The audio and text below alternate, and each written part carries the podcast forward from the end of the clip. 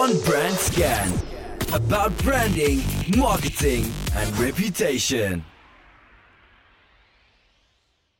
Welkom bij weer een aflevering van On Brand Scan. Vandaag uh, zonder Maarten, de sidekick. Uh, die hebben we lekker thuis gelaten. Uh, we zitten tegenover Marian Draaisma. Zij is al 13 jaar marketingdirecteur bij Plurijn.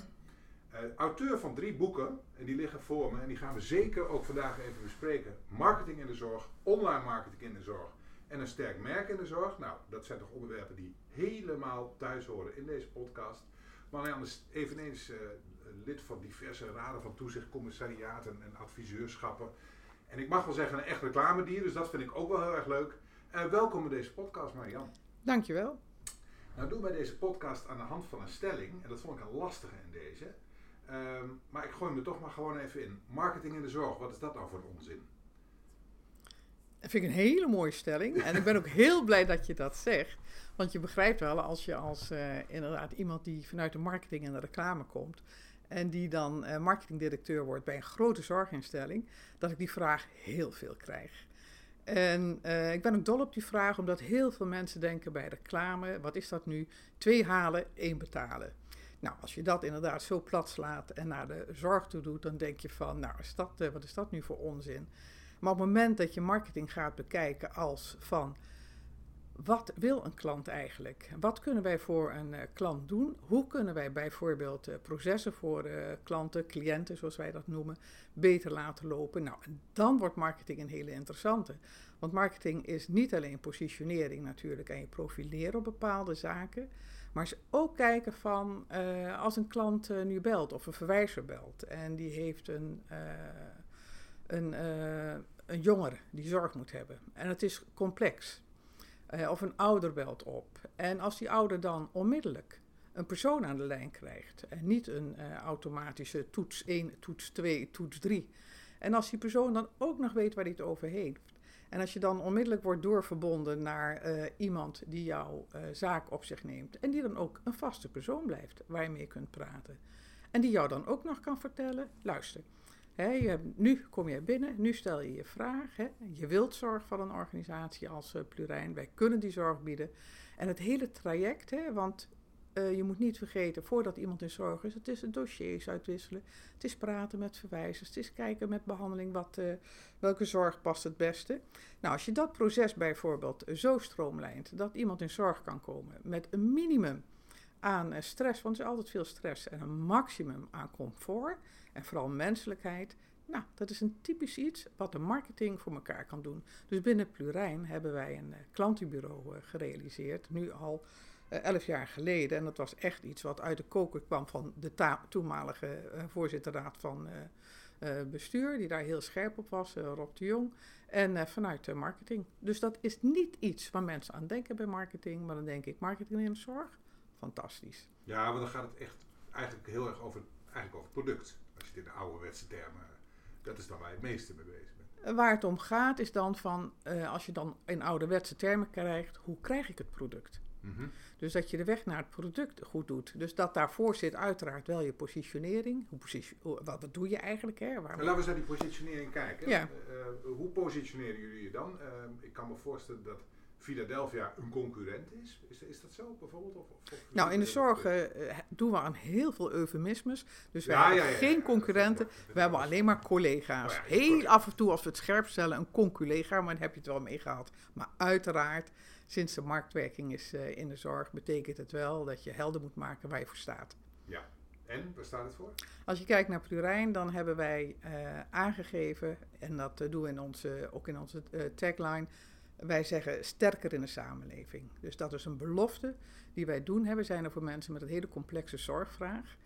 En dat betekent dat wij door dat wij uh, die focus hebben op die belofte sterker in de samenleving, dat we eigenlijk tegen mensen zeggen, waar je ook staat en waar je ook leeft en waar je ook woont, hè, dat kan in een groep zijn, dat kan op jezelf zijn, dat kan in je gezin zijn, dat wij beloven eigenlijk dat we samen met jou gaan kijken hoe jij sterker in je kracht kunt komen, hoe jij je talenten die je hebt uh, verder kunt uh, ontwikkelen.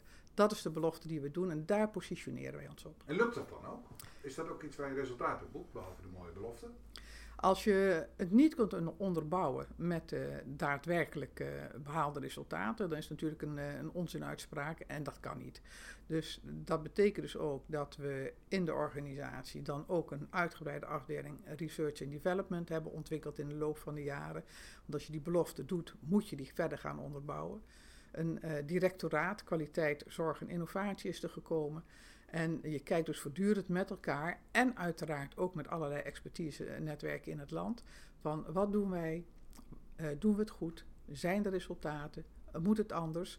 En dan is het natuurlijk zo dat de inzichten van tien jaar geleden niet meer de inzichten zijn van nu. Maar het is wel degelijk zo dat die uh, uitspraken valide moet zijn en onderbouwd. Oké. Voor mij liggen die drie prachtige boeken. Ehm, ik zei al in het voorgesprekje even ik ben zoon van een boekverkoper en ze zien er prachtig uit. Ze zijn mooi gebonden. Um, laten we even beginnen. Online marketing in de zorg. Hoe ben je er toch gekomen om een boek te schrijven? Ja, nou eigenlijk begin ik eentje ervoor. Marketing in de, ja, zorg. Marketing in de ja, zorg. Ja. Want als eerste zijn we begonnen met marketing in de zorg. Om dat boek te schrijven. Het boek heb ik geschreven samen met uh, George van Leeuwen. En waarom een boek marketing in, de zorg? Heel veel organisaties om ons heen vroegen van... Hè, die zagen hoe we bezig waren met die positionering en alles wat er omheen zat. Hè. Want dat betekent ook dat je naar uh, testimonials gaat, tot leadership bijvoorbeeld. Hè. Hè, dan werken we ook samen met het uh, redactionele bureau, hè, onder andere IVRM. En, dat is goed hoor, Oh jongens, zo, doe ook eens een commercial zo, in de podcast. Zo, zo, zo geweldig. Ze komen alleen altijd met z'n tweeën. Dat vind ik altijd een beetje te veel. Ja, daar ben ik ook al ingekomen, wist ik. Ja. Heel goed, heel goed. nou, dus we, we, kregen heel vaak vragen van... Uh, God, kun je niet wat komen spreken? Kun je wat doen? En toen dacht ik, nou weet je wat... We gaan uh, onze kennis en ervaring van... Hoe hebben wij nou die marketing binnen een organisatie als Plurijn... Hoe hebben we dat nou gedaan? Hoe hebben we dat nou gerealiseerd? Nou, daar hebben we een boek uh, aan gewijd... Met achterin ook allerlei handige schemaatjes en dergelijke. En ook even, ik sta hier niet voor eigen parochie te preken, hè, want dan krijg je een dubbeltje winsten van het boek. Dus maar gewoon dat je met elkaar kijkt van uh, hoe werken die processen nou? Omdat er heel veel onbekendheid in was. Ja, online. Je gaf net zelf aan, je bent ook iemand die online eigenlijk echt in de roots heeft ja. van jouw professionaliteit. Ja in feite praat je altijd natuurlijk over, ja, marketing is gewoon geïntegreerde marketing. Daar hoort online gewoon bij. Dat is eigenlijk. Ik heb een raar begrip gevonden, online marketing. Ja, het slaat eigenlijk nergens op, want het is ja. gewoon onderdeel. Maar toch. Dus we hebben hem helemaal eruit gehaald. En, uh, of helemaal, we hebben hem een stuk eruit gehaald en aangegeven van wat er allemaal mogelijk is met online marketing. Um, hoe je kunt versterken, wat de valkuilen zijn. En. Um, en dat is eigenlijk ook een beetje een eigen pleziertje, moet ik zeggen, omdat ik dat online zo ontzettend um, effectief vind en leuk om mee te werken. En dat ik zie dat daar vaak geen gebruik van wordt gemaakt binnen uh, zorginstellingen, terwijl het een geweldige medium is om in gesprek te gaan met je klant. Die interactie, de mogelijkheden die er zijn. Hè. Ja, dat zien we nou helemaal in coronatijd natuurlijk. Hè. Nou, iedereen gedwongen wordt bijna om online ja, zaken in, te doen. in zes maanden tijd nog een stuk digitaler geworden. Ja. Enorm, enorm. Dus de digibeten van ooit zijn dat al een uh, stuk minder. Uh, maar online marketing in de zorg met name, omdat daar dus heel veel onbekendheid ook in zat. Dat is eigenlijk het tweede boek. En het derde boek is, uh, ik ben nu 13 jaar bij Plurijn. Ik ga dus, uh, uh, ik, ik, ik word natuurlijk ouder. Op een gegeven moment ga ik keurig weg. N niet naar de doet, maar met pensioen. En dat betekent dus dat een sterk merk in de zorg. Ik vond het nog een hele mooie om het derde boek um, te schrijven. Om te kijken, wat zijn nou de elementen van het bouwen van een sterk merk. Waarvan wij zeggen, kijk, dit, heb je ervan, wat, dit heb je eraan, maar ook... Uh, vooral om in dat boek ook aan te geven, want wat zie je heel veel, dat de communicatieafdelingen, marketingafdelingen zijn er niet zoveel in de zorg, maar dat de communicatieafdelingen altijd van die uh, gedoodverfde serviceafdelingen worden, die eens een uh, briefje moeten schrijven voor de raad van bestuur of wat dan ook. Hè. Ik overdrijf een beetje hoor. Maar die heel weinig mandaat hebben om echt daadwerkelijk wat te gaan betekenen voor die merken. En dat vind ik zo jammer, omdat er zoveel moois is uh, te ontdekken in die zorg en te vertellen. En uh, om trots op te zijn. En ik vind het jammer dat uh, dat wat er is binnen de zorg aan communicatie, dat het vaak onvoldoende mandaat heeft en ook budget om eens lekker uit de verf te komen. En, en, maar hoe hebben u, hoe hebben u dat gedaan bij Plurijn? Waar, waar, uh, welke methodes hebben jullie allemaal gebruikt om tot dat sterke merk te komen? Ik neem aan dat het ook niet op één uh, het begin, het, het, Nee, zeker niet. Het begint er eigenlijk mee dat je um, als afdeling ten eerste een mandaat moet hebben. Dus dat betekent ook dat binnen Plurijn marketingdirecteur en budget. En dat betekent dat je dus van daaruit kun je ook heel gemakkelijk kun je, uh, acteren en accelereren. Het is natuurlijk niet zo dat je één dingetje maakt. Dus als je kijkt naar het hele um, spectrum eigenlijk aan middelen wat je inzet, dat is groot. Ik begin altijd met een basis. Want zonder basis denk ik van, heeft het helemaal geen zin. Je moet niet continu bij alles wat je wilt communiceren uh, weer middelen moeten uitvinden. Dus dat betekent, wat is een basis? Een website uiteraard, een goed werkend intranet, goede ingerichte sociale media, uh, vaste nieuwsbrieven die je uit, uitbrengt, nieuwsbrieven naar je medewerkers, nieuwsbrieven voor cliënten, nieuwsbrieven voor verwijzers, nieuwsbrieven voor corporate. Dat zijn even zoveel middelen, waardoor je alles wat je gaat doen heel gemakkelijk kunt realiseren. Dus op het moment dat wij iets hebben, een crisis, we hebben het uh, als plurijn nogal voor de kiezer gehad de laatste anderhalf jaar, dan is het wel zo dat ons hele crisiscommunicatieprotocol en uh, de hele drill, zeg maar, goed op orde is. Dus dat betekent, je hebt altijd de stress natuurlijk met communicatie. Want wat is crisiscommunicatie? Anders dan goed vertellen wat er aan de hand is, maar gelijk toch ook wel je merk blijven beschermen en in de juiste context zetten. Dus niet continu ad hoc acteren, maar zorgen dat je al je middelen uh, klaar hebt liggen met mooie en goede professionals die dat ook uh, kunnen bedienen. En kijk je dan naar een uh, beloftefocus als sterk merk in de zorg, dan betekent dat dat je dat gaat onderbouwen als je kijkt vanuit de marketing- en reclame-oogpunt met cliënttestimonials. Die vertellen zelf. Met medewerkerstestimonials. Die vertellen zelf die ga je publiceren, die ga je vertellen, daar ga je filmpjes van maken. Daar ga je van alles en nog wat uh, mee doen en mee spelen. Dus een goed ingericht YouTube-kanaal hoort er natuurlijk ook bij, mm-hmm. waar mensen van alles nog wat uh, kunnen vinden. Ja, ja. Hey, en als je dan eventjes doorpakt naar uh, reputatie. ik heb de afgelopen, ik ben even bezig zelf met een stukje daarover te schrijven over reputatie en dan de lijstjes die allemaal uitkomen. De top 500, de top werkgevers. En wat mij in ieder geval opviel is weinig zorg, sowieso. Heel uh, moeizaam komt het daarin voor. Er zitten wel wat dingen. GGZ staat bijvoorbeeld heel hoog. Dat is dan wel weer grappig eigenlijk. Ja, dat is bijzonder. Ja, dat is best bijzonder. Um, en um, uh, veel oude namen, oude bekenden. Shell staat bijvoorbeeld heel hoog. KLM staat heel hoog. Nou is dat voor alle perikelen hoor, dus dat is natuurlijk logisch. Um, maar hoe verklaar je dat die zorg, waar iedereen het nu ook weer over heeft, we staan te applaudisseren ervoor. En de zorg zou in mijn ogen heeft een soort status bijna gekregen die onaantastbaar is. Uh, toch zit het in die lijstjes nog niet goed. Hoe komt dat dan? Ik denk, uh, het is een mooi verzamelnaam zorg, maar onder die naam zorg zitten hele verschillende werelden. Of je nou plurijn is er voor uh, mensen met complexe problematiek gehandicaptenzorg, maar ook jeugdzorg. Mm -hmm. Dat zijn al twee verschillende werelden praat je over de ziekenhuiszorg of over de thuiszorg, dan is het al gauw dat er geapplaudiseerd wordt. Maar als je kijkt dus naar een uh, zorginstellingen voor mensen met complexe problematiek en jeugd, dan zie je dat die enorm onder het vergrootglas uh, liggen. Dus elke stap die je zet, elk incident uh, wat er gebeurt, wordt groot in de media uitgemeten. Dat betekent dus dat je voortdurend in de verklarende zin zit. En het is niet zo dat er in uh, de media echt um, wordt gekeken van... hé hey jongens, het is ook wel mooi wat ze doen daar met z'n allen. Moet je eens kijken hoe daar honderdduizend uh, mensen in die uh, gehandicaptenzorg en jeugdzorg... op dagbasis, dat zijn er nog meer trouwens... zitten te, met heel veel passie en met heel veel betrokkenheid zitten te ploeteren... Met de meest complexe gevallen, die niet meer in gezinnen kunnen zitten. Van alles nog wat voor maatschappelijke ellende. Daar is geen oog voor. In ieder geval onvoldoende oog voor. Maar is er dan ook iets wat jullie misschien collectief kunnen doen of zo, als uh, collega's in, in, in, in die zorg, om dat, om dat eens uit te nutten? Zeker zoals de afgelopen half jaar. Uh, om dat uit te nutten naar de toekomst toe. Dat het enorm stoer is om in de zorg te gaan werken. En dat het in ieder geval op het, op het lijstje reputatie werken in de zorg, dat het heel hoog komt te staan. Is, is dat, is dat, zijn dat ideeën die spelen? Of? Ja, er zijn zeker ideeën die uh, spelen. Er gaat toevallig net een campagne van ons uh, deze maand uh, lopen. En die zijn, die zijn altijd met zwier en met swoeng, zeg maar. Maar de praktijk is natuurlijk wel dat je voor een relatief laag salaris echt heel hard moet werken. Ja, dat is natuurlijk ook. En eh, dus het is niet zo. Dus je kunt het niet alleen hebben van je passie en het eh, vuur wat je hebt natuurlijk. Hè. Er moet ook brood op de plank komen.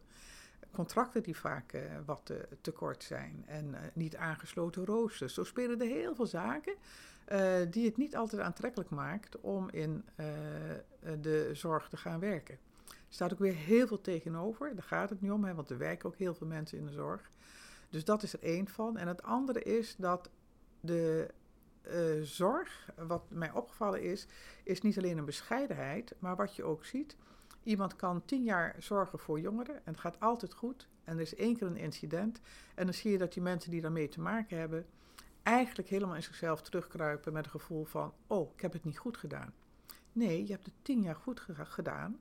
En dit is fout gedaan. Ligt dat helemaal aan jou? Nee, natuurlijk ligt dat niet helemaal aan jou. Er is altijd een interactie. Maar ik zie de bescheidenheid en de schuldvraag. Die pakken medewerkers en ook die hele zorg heel snel naar zich toe.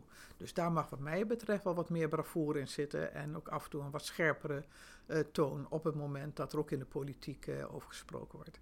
En hoe, eh, want, de toon is, is, is hoe- is dat nu dan? Dat is, ik kijk even om me heen naar de, naar de middelen die ik om me heen zie staan. Is dat, is dat, ik nou zeggen, is dat te braaf? Is dat allemaal te aarde? Is dat wel, wel scherp genoeg? Ga, Je bedoelt dan hoe mensen gepo- eh, geportretteerd worden, Ja. cliënten bijvoorbeeld en Ja. dergelijke. Ehm, ja, vaak wel. Want als je kijkt naar eh, mensen met een complexe zorgvraag, dan is dat niet misselijk. Dan heb je vaak, een, eh dat kan zijn een verstandelijke handicap met psychische problematiek, zware gedragsproblematiek. En ehm, nou, dat kan wel eens heel heftig zijn. Dat kan, kan dagen en weken goed gaan, maar dan kan het extreem heftig zijn. Dus de, het eh, gebeurt echt wel dat mensen ehm, eh, met een flinke klap voor hun hoofd eh, nog thuiskomen. Of dat ze dus met de zenuwen in hun lijf op een groep staan. Dat gebeurt echt. ja. En je ziet dus ook, hè, dus er, kijk, er zijn gezinnen die goed gaan en die ontzettend de pech hebben hè, dat hun, hun kind een, een, een zware, zware psychische stoornis heeft of wat dan ook. Maar je hebt dus ook best wel wat gezinnen die, waar zoveel verwaarlozing is. En wat zo extreem erg is ook voor de kinderen, dat die uit huis geplaatst worden. En het zijn vaak ook jongeren met, ja, die toch hele zware problematiek hebben. En dat wordt eh, niet altijd gezegd. Het lijkt wel een soort collectieve maatschappelijke schaamte. Nou ja, eh, jij zegt dat nu. En dat denk ik, kijk, er- er wordt wel eens gezegd van de zorg, dat is de softe sector. Mhm, Nou zit mijn dochter toevallig in die hoek van de zorg die jij net schetst. mhm. Die, dit is de hardste sector die er is volgens Ja. mij. Is keihard. Ja, ben ik helemaal met je eens. Maar, in de, maar in de beeldvorming niet. Nou ja, ik vind het woord soft is inderdaad heel erg verkeerd gekozen. Behalve als je hem zou kunnen vertalen en laden dan. Hè, het woord eh, soft eh, eh, laden in de zin van dat mensen de compassie hebben en het geduld om dag in dag uit. Bijvoorbeeld iemand die eh, voortdurend die energie ophaalt. Hè. Ehm, ik, ik zal één voorbeeld noemen. Eh, een van de mensen waarvoor gezorgd wordt is iemand die non-stop, continu praat. En dat gaat maar door en dat gaat maar door. Als je dan een dienst hebt van acht uur. Nou, ik vind het knap. Op een gegeven moment denk je, mens, hou in godsvredesnaam je hoofd dicht. Dat geduld en het dan toch nog kunnen omzetten naar iets waardoor die ander kan leren en dat stapje verder kan komen. Ja, dat vind ik werkelijk eh, zo waanzinnig eh, knap. En eh, is dat dan soft? Nee, ik denk dat dat een maximaal inlevingsvermogen is en geduld. En ehm, kunnen genieten van die hele kleine, kleine stapjes die dan gehaald worden door mensen. Ja. Dus ik vind het geen softe sector, maar ik vind het een volhardende sector. Ja, ja, ja. ja, ja, ja. Ik denk dat dat ook wel eh, wat dichter bij de waarheid zit. Mm. Ja. Even terug naar, de, naar, naar waar we mee begonnen. Hè? Marketing in de, in de zorg. Wat is dat nou voor onzin? Wat voor, wat voor problemen hebben jullie dan eigenlijk? Als je het hebt over bijvoorbeeld eh, marketing of... eh, ehm, eh, Zit dat, zit, dat in de, zit dat een beetje in de reputatiehoek? Of zit dat ook in de cliëntenhoek? Of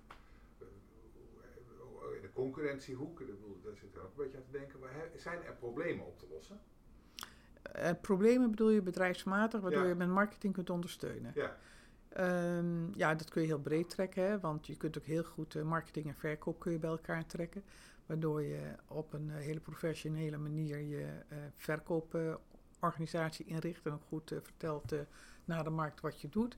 Dus um, problemen, je hebt de normale arbeidsvoorwaarden dat je dus met al je um, klanten, en dan heb ik het over de zakelijke contacten met je stakeholders, goed in uh, gesprek moet blijven. Een uitdaging die wij hebben gehad natuurlijk is de transformatie uh, jeugdzorg. Waardoor wij in één keer in plaats van dat we met uh, twee of drie financiers te maken kregen, van de ene op de andere dag met 386 financiers te maken hadden. Ja. En die 386 financiers die hadden van het Rijk uh, carte blanche gekregen. In de zin van ja, hoe jullie het willen doen, de aanbestedingen. Of hoe jullie uh, überhaupt de hele zorg willen inrichten.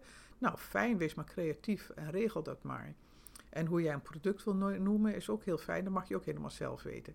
Nou, dan, uh, dan begrijp je wel dat dat een totale chaos tot gevolg heeft gehad. Waar we tot op van tot op de dag van vandaag maatschappelijk met elkaar heel veel hinderen van ondervinden. Hè. Op dit moment uh, wordt dat gepoogd om uh, te herstellen. Uh, maar dan heeft marketing natuurlijk wel een hele belangrijke rol om toch naar al die stakeholders de, goed te vertellen wat er, wat er binnen deze organisatie um, mogelijk is en wat niet. Maar dat zit hem toch meer op communicatie? dat zit hem op communicatie. Um, ja, maar de marketing ook wel dat je wel je kaders uh, heel goed uh, neerzet. En uh, wat de marketing ook kan doen, is het, hebben we ook gedaan, het ontwikkelen van concepten die ook interessant zijn voor de markt. Hè, participatiepunten, um, living labs, waar Ehm, waar je met je uh, allerlei uh, data naartoe kunt en waar je dus allerlei devices uh, kunt lenen en dergelijke. Dus je kunt ook heel veel concepten ontwikkelen, waardoor je als organisatie net eventjes je onderscheidt in de markt en dat kun je dan weer vertellen. Maar communicatie is wel een belangrijke, ja. Even tot slot, want we lopen, het gaat heel snel over de tijd. Um, hoe is het gesteld met de reputatie van Plurijn? Met de, ja, dat vind ik een hele lastige. Ik uh, ga een stakeholdersonderzoek doen om uh, dat te weten. Maar je hebt altijd een gut feeling. Kijk je naar de Plurijn, dan heeft hij eigenlijk een hele goede naam. Als je kijkt ook naar jongvolwassenen en volwassenzorg. En in de jeugdzorg hebben wij we hebben een van onze jeugdzorglocaties moeten sluiten. Dat was de Doendelengroep. En daar waren een aantal redenen voor. Hè. En dat was de kwaliteit van zorg, dat was financiën en dat had te maken met de transformatie, afbouw ook van jeugdzorglocaties. Ja, dat heeft eh, echt een dreun gegeven, want vanaf dag één was eigenlijk een van de grotere organisaties, jeugdzorgorganisaties, die sloot in Nederland. En alhoewel dat iets was wat eh, door de politiek ook in gang is gezet in 2015, was het uh, de Tweede Kamer met name die daar ook uh, tegen ageerde op elk mogelijke manier. 250 Kamervragen even om, maar even een voorbeeldje te geven. En, 200, en niet vragen die je met ja of nee beantwoordt. Dus alleen daarvoor moest je eigenlijk al extra menskrachten inzetten. Nou, dat heeft echt uh, onze organisatie, wat de jeugdkant betreft, wel een, een opdonder gegeven. En dan merk je ook als je dus echt een sterk merk hebt dan uh, kom je, ga je daar wel doorheen komen. Dus wij komen er wel doorheen, maar het, het heeft echt de reputatie. En daar heeft het sterke merk enorm bij geholpen.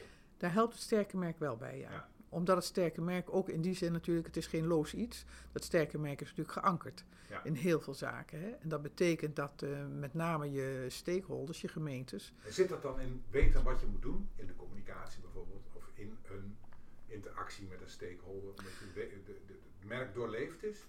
En, en, en, en. Dus als je al jaren goede relaties hebt en je zorgt dat je mensen heel goed informeert en op de hoogte houdt en, bij je aanhoudt, zeg maar, dan kom je daar heel goed doorheen.